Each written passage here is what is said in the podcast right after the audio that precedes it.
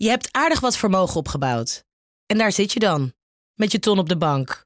Wel een beetje saai, hè? Wil jij, als belegger, onderdeel zijn van het verleden of van de toekomst? Bridgefund is een slimme fintech die een brug slaat tussen de financiële behoeften van ondernemers en van beleggers. Dus wie belegt bij Bridgefund krijgt niet alleen een mooie vaste rente, maar brengt ook ondernemers in beweging. Echt waar! Met die ton kan je zoveel betere dingen doen. Bridgefund. Make money smile.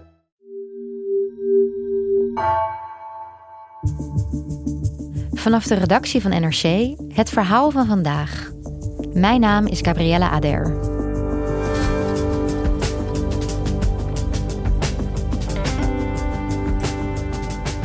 Deze week is het 75 jaar geleden dat Brits-Indië onafhankelijk werd. De voormalige kolonie werd opgesplitst in twee landen: India en Pakistan. Tijdens deze opsplitsing kwam er een massale volksverhuizing op gang, die met veel geweld gepaard ging. Zuid-Azië-correspondent Lisa Dupuis onderzocht hoe dit verleden doorwerkt in het India van vandaag.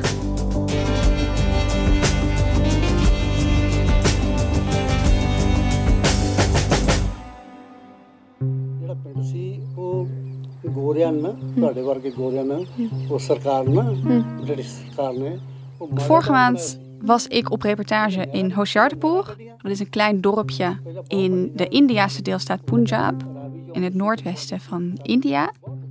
En ik was daar op bezoek bij S. Harban Singh, een man van midden 80, een boer uit de Sikh geloofsgemeenschap.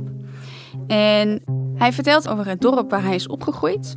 Eigenlijk heel erg dicht in de buurt van waar ik hem sprak, aan de grens van India. Maar hij is geboren en opgegroeid tot zijn tiende jaar in een dorp dat nu in Pakistan ligt.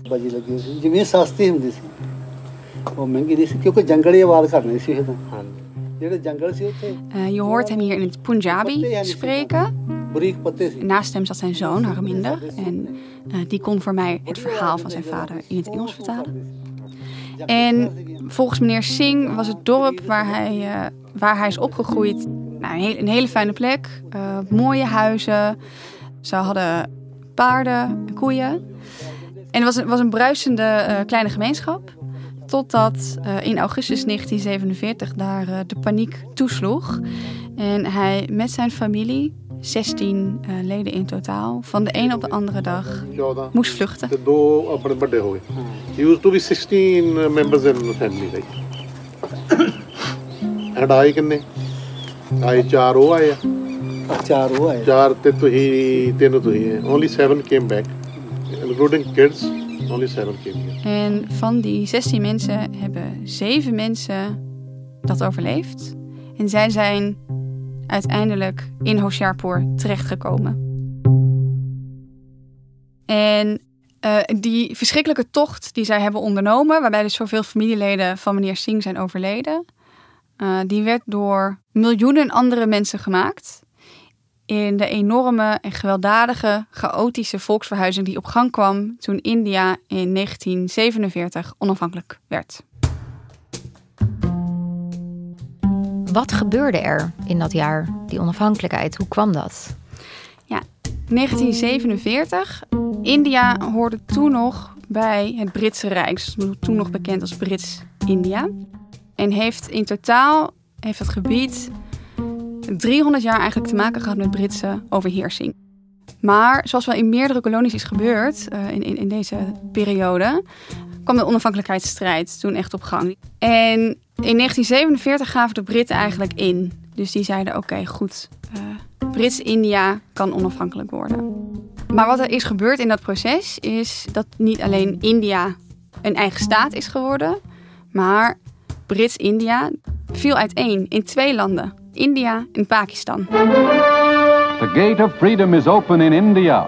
In Karachi, capital of the newly created Muslim state of Pakistan, Lord Louis Mountbatten, last Viceroy of India, arrives to take part in the official end of British rule. With these brief ceremonies is completed one of the most momentous political transitions in modern times. Voor dat moment hebben Indiërs en Pakistanen een term en dat is de partition. Dus de opdeling of de splitsing. En toen Het land viel uit elkaar. Waarom?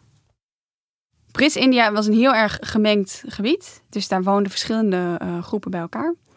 En langzaam was er een tegenstelling ontstaan tussen moslims en hindoes. Die twee voornamelijk. Uh, eh, 70% van Brits-India, dat waren hindoes. En moslims vormden ongeveer een kwart van die bevolking. En die voelden zich in die minderheidspositie heel erg onzeker over uh, de status die zij zouden krijgen in een onafhankelijke staat. En uh, politieke leiders van die gemeenschap die waren er niet gerust op dat zij veilig zouden zijn. En al sinds de jaren 30 bestond er eigenlijk een beweging voor een eigen land voor moslims. In ieder geval, dat was in ieder geval een manier om uh, die, die minderheid um, een soort van veilige haven in het vooruitzicht te stellen. En ja, eigenlijk kwam dat idee op een gegeven moment gewoon bovendrijven als de enige, de enige oplossing die ook de Britten zagen. Uh, toen zij zich gesteld zagen met, met de vraag: hoe gaan we deze kolonie achterlaten? Oké, en hoe ging dat vervolgens in de praktijk? Nou, die twee-staat-oplossing werd dus op een gegeven moment door vrijwel iedereen gezien als: laat dat dan de manier zijn waarop uh, India, Brits-India, onafhankelijk wordt. Uh, maar toen werd wel de vraag: waar gaan we dan knippen? Waar komt die grens? En dat bleek nog een hele opgave. Ja, je kan niet zomaar even een land verdelen.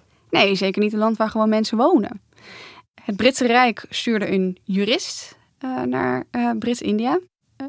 Cyril Radcliffe, die nog nooit in India was geweest.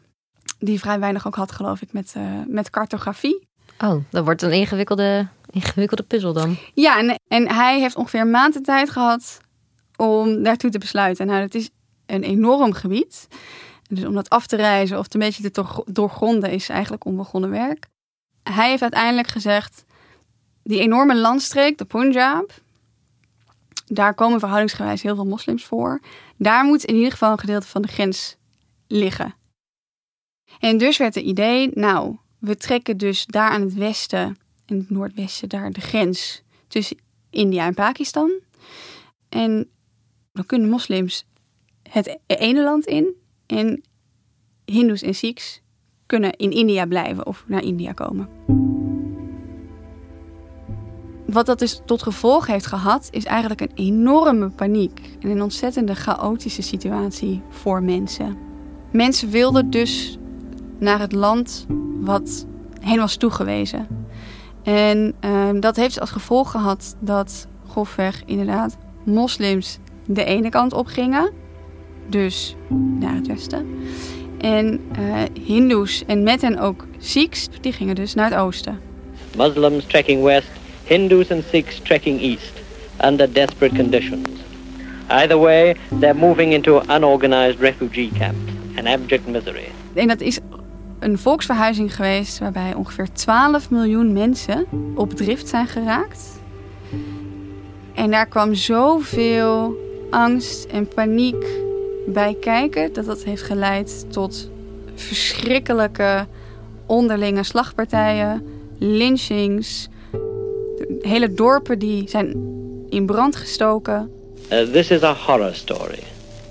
I've just driven back from a little town called Shahpura. It had been an open fight between the Sikhs and the Muslims. But what we saw was a town soaked with the stench of death. We came to a row of one-storied houses well, I simply shut my eyes. For lying on the pathway and over the furniture and in the rooms, there were the dead, cut up, carved up, sprawling. Dus we gokken op schatten tussen de 500.000 en een miljoen doden tot gevolg heeft gehad. En jij hebt een heel aantal van die mensen gesproken, hè, de vorige maand. Wat vertelden ze je allemaal? Ik ben inderdaad naar de Punjab afgereisd en heb daar met een aantal families gesproken die zo'n partition verleden hebben. En ik heb een aantal verschrikkelijke getuigenissen gehoord. In sommige gevallen sloegen mensen zelf op de vlucht. Uh, die namen zelf eigenlijk het zekere voor het onzekere. En er zijn ook gevallen bekend waarbij gemeenschappen of families uh, echt zijn weggejaagd. And uh, his parents they didn't ever wanted to leave that place. Mm-hmm. Mm-hmm. And the, on the on the doom day, right? And the, the police came to them. Ah. And they forced them to move, right? Otherwise, you will be killed here, right? Yeah. So they have to left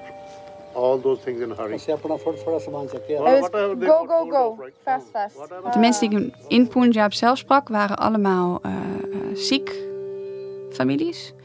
Die dus uit nu Pakistan naar nu India zijn gekomen. En zij vertelde bijvoorbeeld dat in families de afspraak werd gemaakt: goed, we slaan op de vlucht, we proberen ons hebben en houden mee te nemen.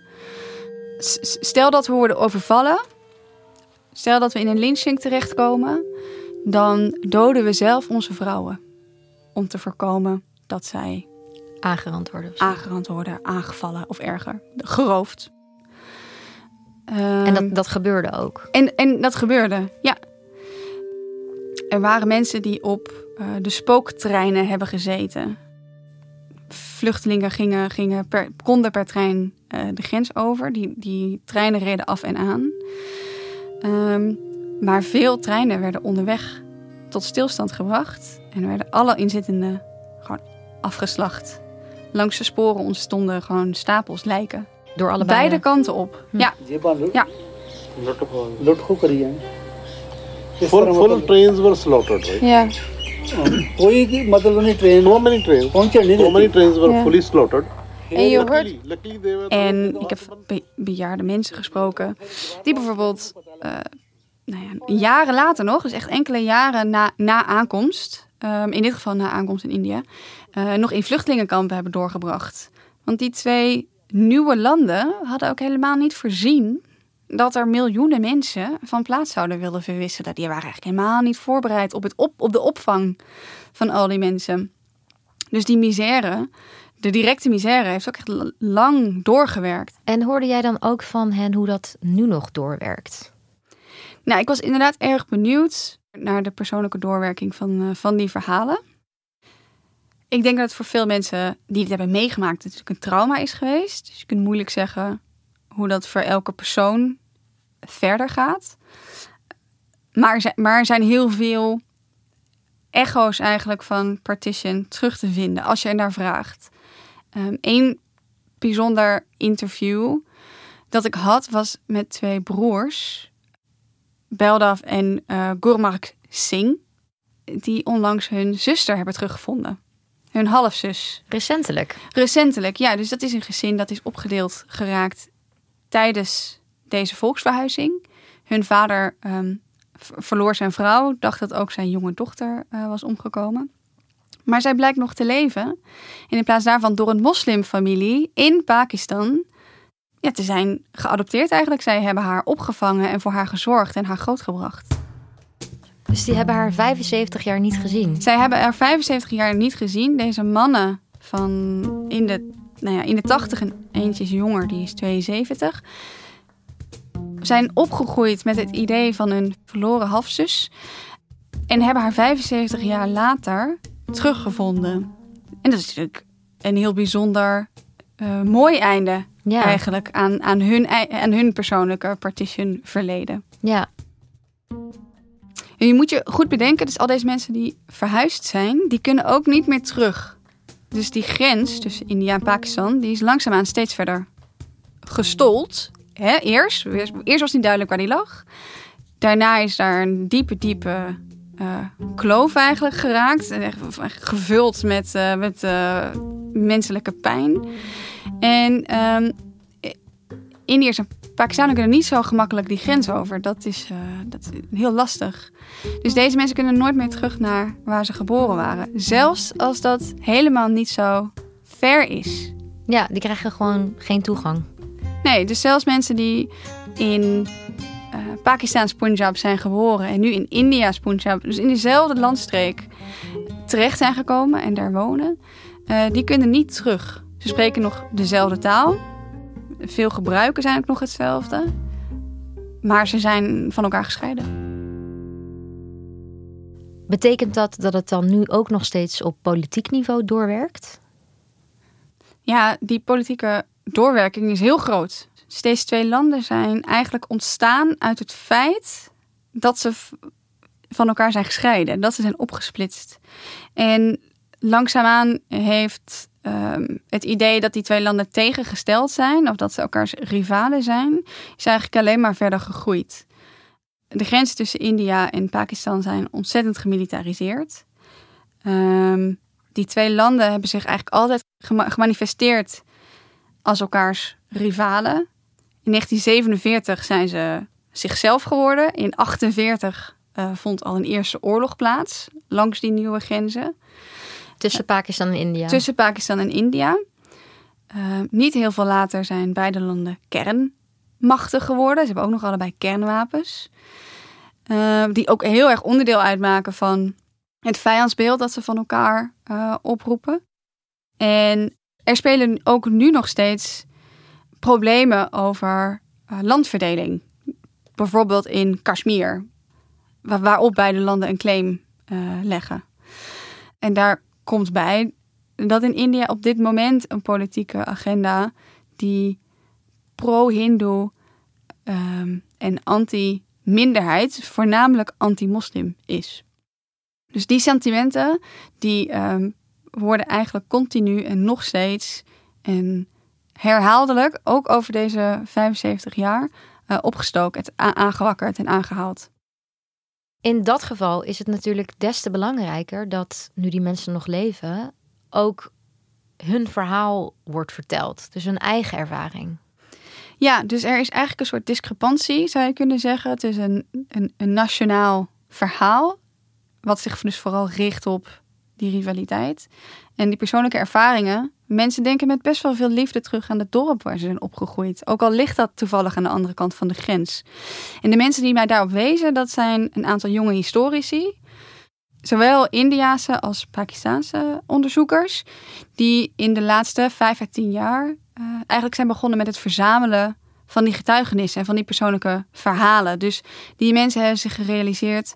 Deze generatie begint, uh, begint langzaam heel oud te worden. De mensen die ik gesproken heb, zijn ook, uh, nou, waren bijna allemaal tachtigers.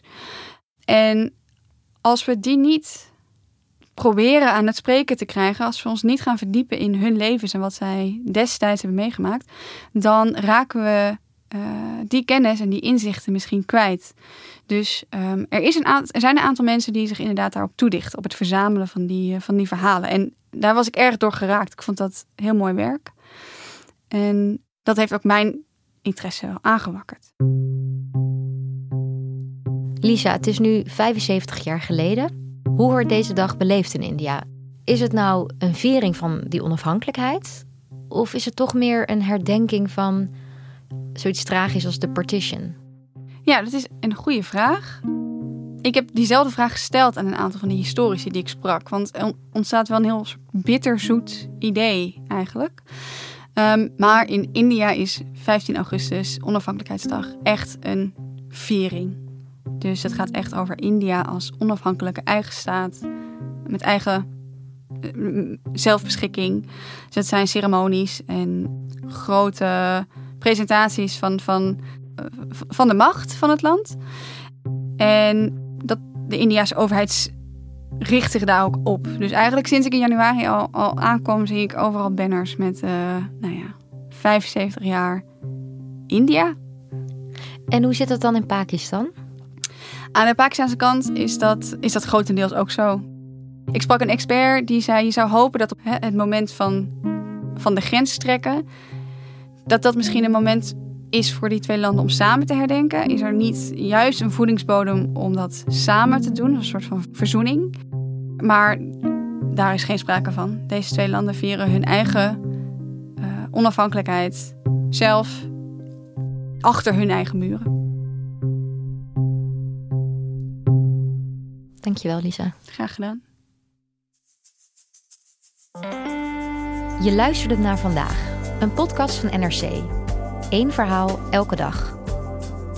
Deze aflevering werd gemaakt door Anna Korterink, Ignaas Schoot, Dirk Hooyer en Jeppe van Kesteren. Dit was vandaag, morgen weer.